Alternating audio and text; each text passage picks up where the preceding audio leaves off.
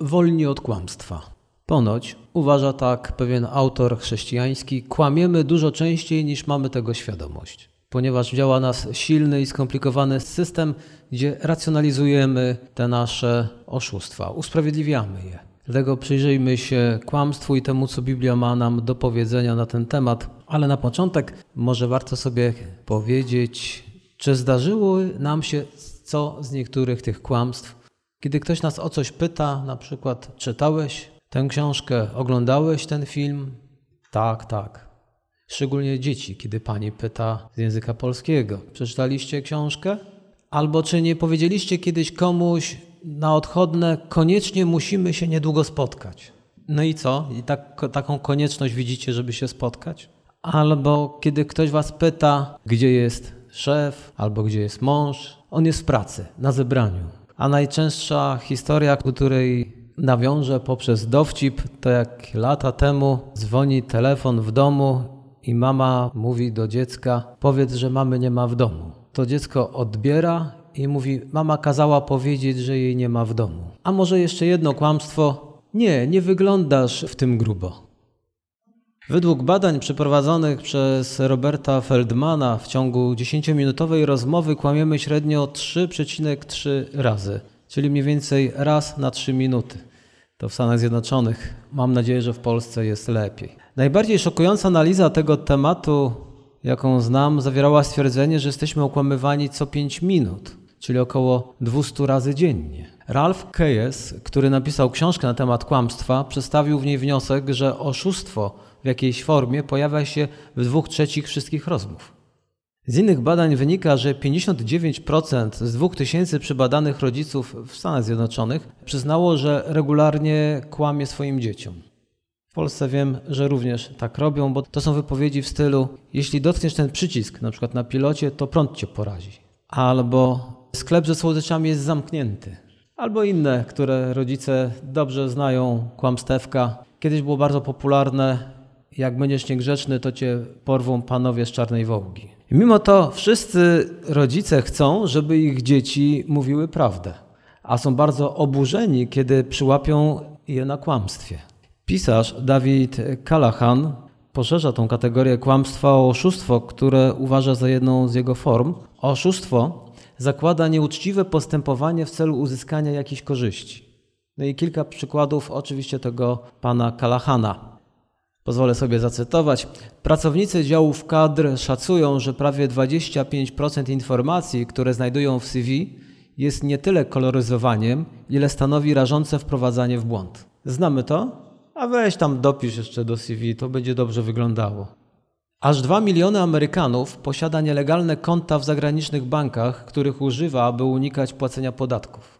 Tysiące Amerykanów z premedytacją nielegalnie korzystają z telewizji kablowej czyli podłączają się tak gdzieś po cichu. Te historie zdarzają się też w innych krajach, kiedy ktoś się podłącza do energii elektrycznej. W 2002 roku w wyniku tajnej prowokacji odkryto 350 przypadków nieuczciwych praktyk w warsztatach samochodowych. W większości było to dokonywanie napraw, które nie były konieczne, a jak zaznacza, nawiasem mówiąc, sprawdzono wtedy tylko 6 warsztatów samochodowych. Według niektórych szacunków korzyści z oszustw w tym sektorze w Stanach Zjednoczonych sięgają 40 miliardów dolarów w skali całego kraju. Callahan podsumowuje to: Amerykanie nie tylko oszukują więcej w wielu dziedzinach, ale też czują się z tego powodu mniej winni. A jak w Polsce? Nie wiem do końca jak w Polsce, bo tych badań nie widziałem, ale znając rzeczywistość, spotykając się, wiem, że my do prawdomównych też nie należymy. Mimo, że kłamiemy, to jednak uważamy prawdomówność za jedną z najważniejszych cnót. Czujemy się też pokrzywdzeni, ilekroć dowiemy się, że ktoś nas okłamał, czy nie tak? Kłamiemy, ale jak nas okłamią, to jesteśmy obrażeni. Według mnie powinniśmy się obrażać, kiedy to my kłamiemy. Więc musimy poznać istotę problemu, aby odkryć powody, dla których kłamiemy. Bo że mamy nie kłamać, to jest za mało. Trzeba pomóc sobie i innym zrozumieć, bo to pomoże nam poznać źródło i dokonać zmian, a nasze zachowania wynikają z naszych przekonań. Dlatego warto dowiedzieć się, jakie mamy przekonania. Jeśli kłamiemy, to musi stać za tym jakieś nasze przekonanie, które zachęca nas do tego, abyśmy się tak właśnie usprawiedliwiali. Jest fałszywe przekonanie, że muszę kłamać, bo inaczej będzie źle. Będę mieć trudniej w życiu. Jeśli będę kłamać, zaoszczędzę sobie wiele bólu i cierpienia i trudów, a także będę mieć większe korzyści. To jest to fałszywe przekonanie. Jak wielu innych problemów, które mamy, właśnie są spowodowane przez te nasze ego. Kiedy myślimy, bo ze mną będzie źle, bo ja będę mieć problemy, bo ja nie osiągnę celów i korzyści. A jeśli weźmiemy pod uwagę, że mamy silną potrzebę myślenia o sobie samych dobrze, to za każdym razem, kiedy kłamiemy, to koniecznie musimy mieć wymówkę. Dlaczego kłamiemy? Czyli racjonalizujemy, usprawiedliwiamy.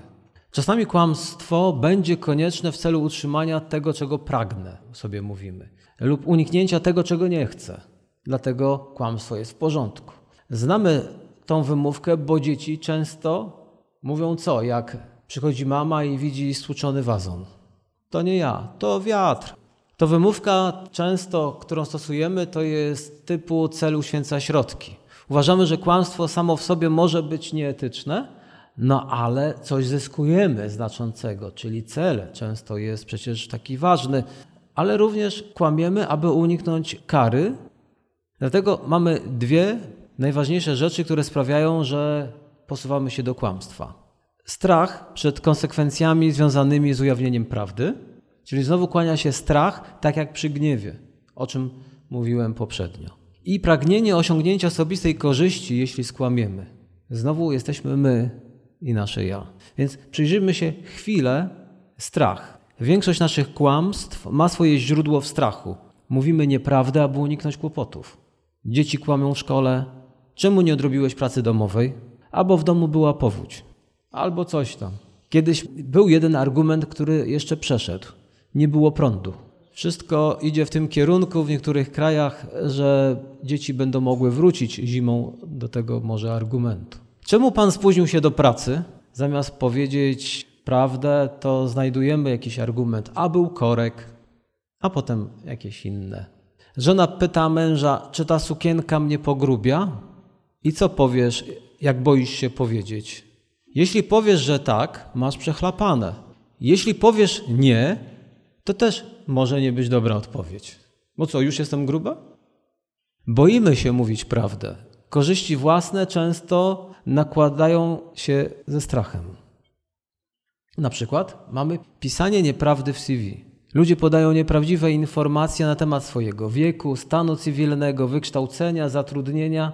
Mówią, że nie zamierzają wyrządzić nikomu krzywdy, po prostu chcą być lubiani i akceptowani, aby dostać tą pracę, aby osiągnąć jakiś cel.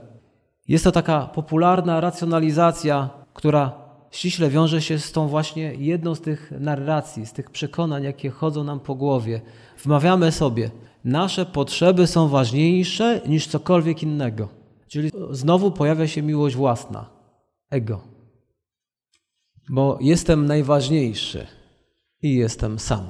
I teraz chciałbym też parę słów powiedzieć. Pierwsza część tego zdania usprawiedliwia wszystkie nasze czyny, no bo jeżeli jesteś najważniejszy, no to przecież możesz robić wszystko, co chcesz, możesz kłamać i osiągać to, co zechcesz. Druga natomiast wymusza na nas poleganie wyłącznie na własnych, ograniczonych możliwościach. I dlatego również to jest powodem gniewu, o czym już mówiłem. Kiedy próbujemy nad tym gniewem sami zapanować, ja jestem najważniejszy, ale jestem również sam. To nie są Boże metody rozwiązywania tych dylematów. Jak napisał James Smith, kłamiemy z dwóch głównych powodów. Aby dostać to, czego chcemy i dwa, żeby uniknąć czegoś, czego nie chcemy. I dodaje, jeśli uznamy, że wszechświat kręci się wokół nas, kłamstwo jest usprawiedliwione. Ale co Jezus powiedział? Ewangelia Mateusza, 5 rozdział, 33 werset do 37. Przeczytajmy. Słyszeliście również, że powiedziano przodkom: Nie będziesz fałszywie przysięgał, lecz dotrzymasz Panu swej przysięgi. A ja wam powiadam, wcale nie przysięgajcie ani na niebo, bo ono jest tronem Boga, ani na ziemię, bo jest podnóżkiem stóp Jego, ani na Jerozolimę, bo jest miastem wielkiego króla, ani na swoją głowę nie przysięgaj, bo nawet innego włosa nie możesz uczynić białym albo czarnym. Niech wasza mowa będzie tak, tak, nie, nie, a co nadto od złego pochodzi. Czemu jest o przyrzekaniu w tym miejscu? Dlaczego Pan Jezus mówi o przyrzekaniu? Bo ludzie powinni mówić prawdę i żeby nie musieli posuwać się aż do przyrzekania. Jezus nie zabrania nam przysięgać. Przysięgać przed sądem, tam, gdzie ktoś tej przysięgi od nas oczekuje. On mówi nam: stań się osobą, dla której mówienie prawdy jest naturalne, aby nikt od ciebie nie oczekiwał przysiąg, ponieważ zawsze będziesz prawdomówny. A znamy to pewnie może jeszcze ze szkoły, jak jako dzieci, ja to pamiętam, jak się opowiadało, co to ktoś ma w domu, albo czy gdzie nie był i co, i co nie widział, to się mówiło, no przysięgam.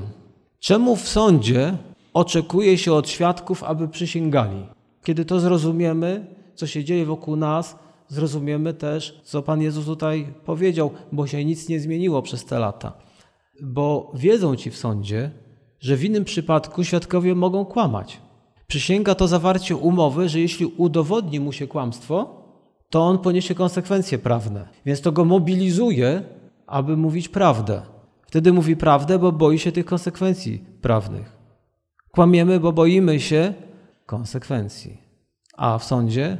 A w sądzie może wykalkulujemy, że lepiej powiedzieć prawdę niż skłamać, bo konsekwencje mogą być znacznie gorsze. Podobnie było w czasach Jezusa. Jak widać, mijają setki, tysiące lat, a ludzie wciąż kłamią, bo przysięga ma dać wiarygodność temu, co ktoś mówi. Bez przysięgi nikt mu nie wierzy. Więc jak wyleczyć się z kłamstwa? Może powiedzmy sobie, co to jest kłamstwo. Jak ktoś napisał, to świadome poświadczenie nieprawdy uczynione z zamiarem oszukania. Bywa, że ktoś zapyta ciebie o godzinę i odpowiesz mu zgodnie z Twoją wiedzą. Masz zegarek. Teraz większość z nas ma na baterię. I ten czas może się zatrzymać. Jest godzina w rzeczywistości 11.30, ale ty mu odpowiadasz, jest 11.15. I on sobie mówi, no to mam jeszcze 15 minut, to wstąpię do sklepu, zanim pójdę na przystanek autobusowy. Ty w dobrej wierze odpowiadasz. I czy to jest kłamstwo? To nie jest to kłamstwo, o którym ja tutaj mówię. Choć trzeba mieć odwagę, aby sprostować rzeczy, które potem mogłyby się okazać, że nie były prawdziwe. Dlatego prawo u nas dobrze, że funkcjonuje i media, prasa, telewizja często prostują swoje wypowiedzi. Tylko często tych sprostowań ludzie już nie słyszą, bo oni to tak robią, żeby nie wyjść na źródło mało wiarygodne. Ale niektóre stacje telewizyjne prostują takie rzeczy regularnie, które mówią. Często w prasie też czytamy sprostowania. Czasami sami to robią, żeby honor trzymać, a czasami one są wymuszone przez sąd.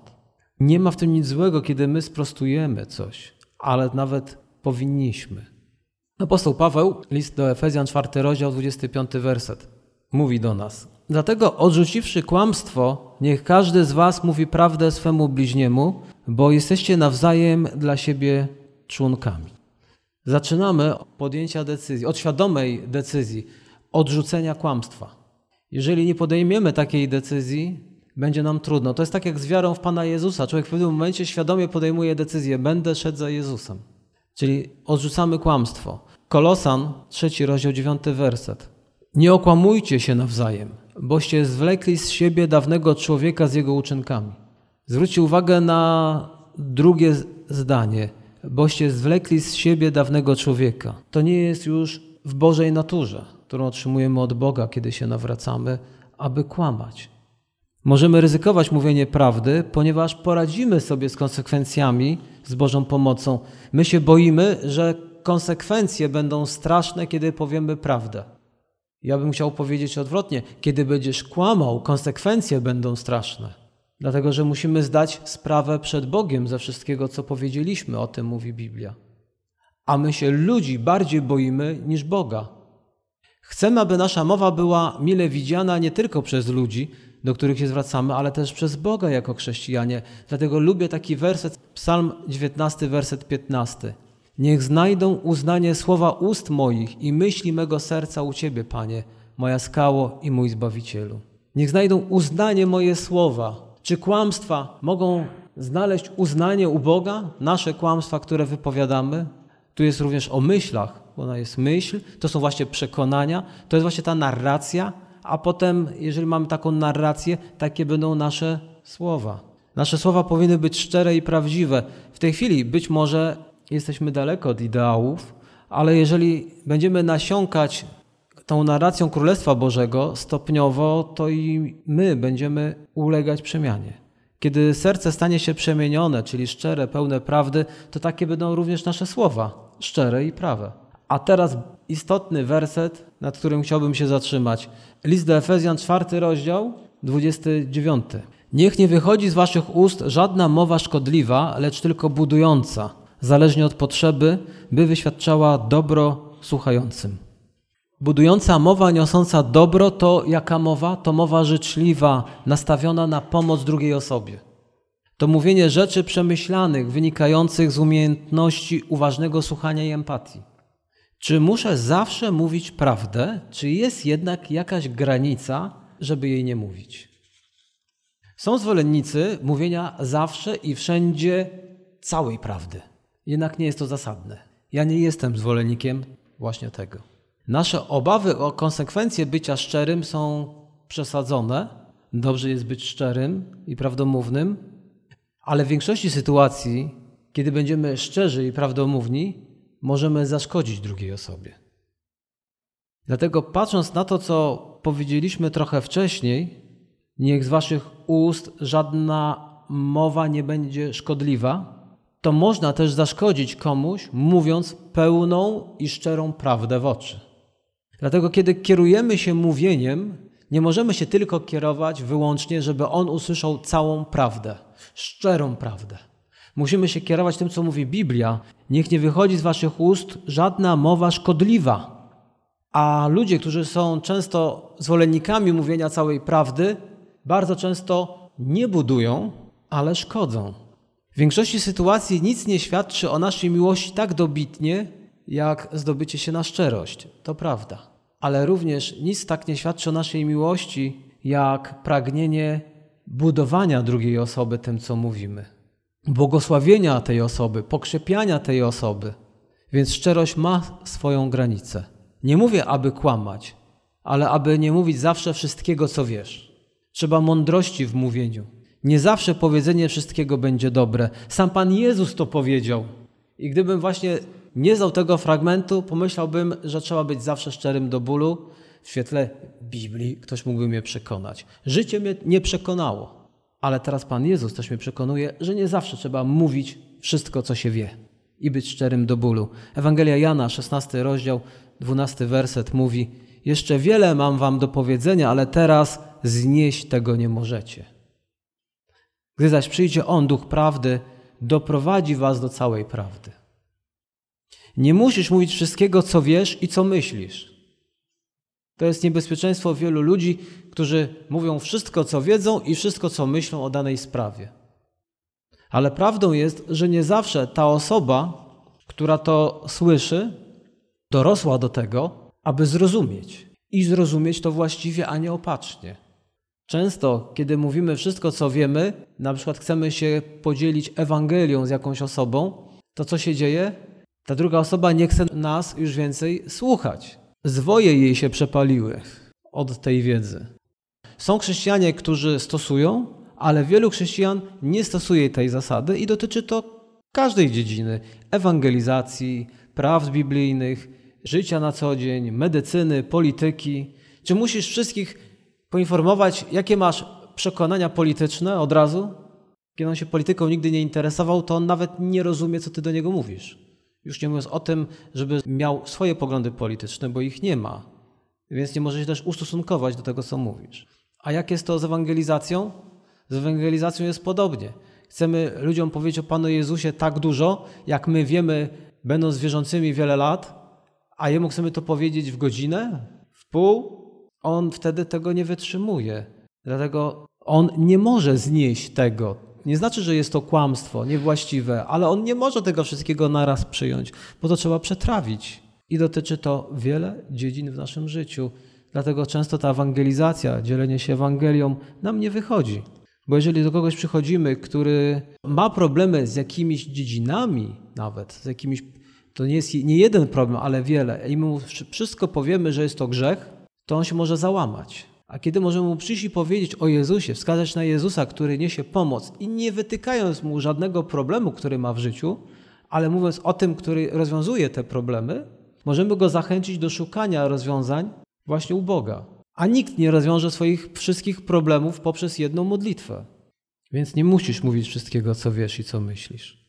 Autor książki, którą sobie właśnie czytam, mnie inspiruje, aby wracać do pewnych rzeczy, napisał: Modlę się za ludzi, których ta sytuacja również dotyczy, zanim cokolwiek powiem.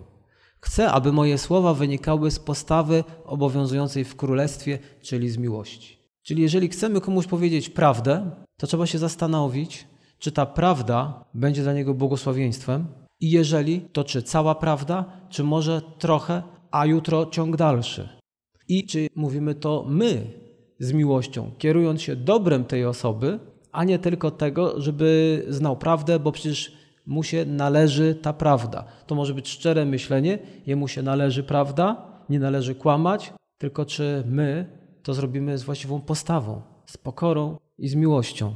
Apostoł Paweł, czwarty rozdział listu do Efezjan, piętnasty werset napisał – Zależy mi, byście pod każdym względem, jako prawdomówni w miłości, rozwijali się i coraz bardziej przypominali Jego, który jest głową Chrystusa. Zależy mi, abyście pod każdym względem, jako prawdomówni w miłości. Piękny zwrot, wręcz wspaniały. Miłość to pragnienie dobra. Jeśli kochamy kogoś, to chcemy jego dobra. Więc mówić w miłości to nie tylko mówić prawdę, ale mówić kierując się Jego dobrem. Czasami oznacza to wyznanie bolesnej prawdy, a czasami oznacza to zatrzymanie dla siebie. To nie jest prosta sprawa, ale na szczęście możemy liczyć na prowadzenie Ducha Świętego. Kiedy i ile danej osobie powiedzieć. Może czasami trzeba więcej, a czasami trzeba mniej. Zawsze trzeba się kierować miłością i dobrem tej osoby. Więc jeśli wypełnieni jesteśmy miłością, i jesteśmy wolni od złych zamiarów wobec tej osoby, do której kierujemy te słowa, jesteśmy gotowi odłożyć na bok fałsz i wtedy mówić, to jest to wspaniałe. Przecież między innymi właśnie z tego powodu Bóg obdarzył nas mową, abyśmy poprzez słowa mogli wyświadczać ludziom dobro, błogosławić. Amen. Biblia mówi, byście pod każdym względem, jako prawdomówni w miłości, rozwijali się i coraz bardziej przypominali Chrystusa. Wspaniały werset. Zależy mi, pisze apostoł Paweł.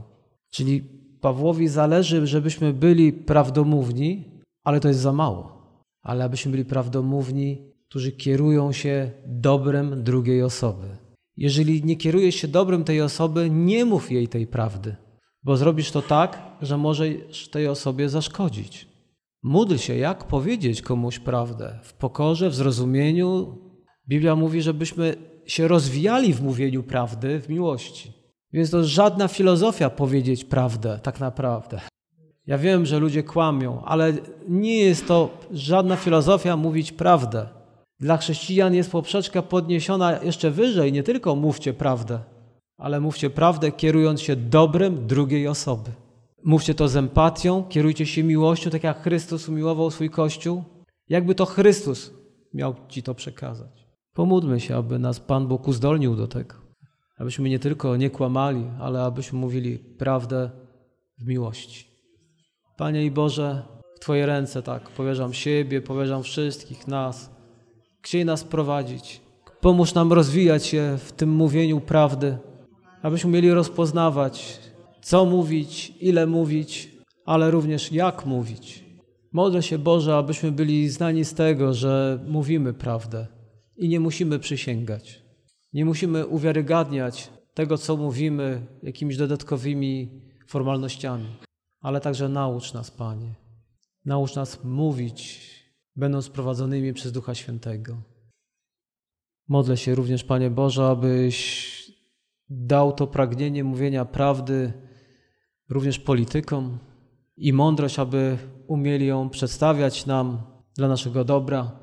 Daj tą mądrość do mówienia prawdy lekarzom, którzy muszą poinformować swoich pacjentów i aby mieli tą mądrość do przekazywania tej wiedzy. Daj również tą mądrość i umiejętność mówienia prawdy tym wszystkim, którzy muszą dotrzeć ze smutnymi informacjami do rodzin, czy to poległych żołnierzy, czy to też policji, która często przynosi wiadomości o bliskich.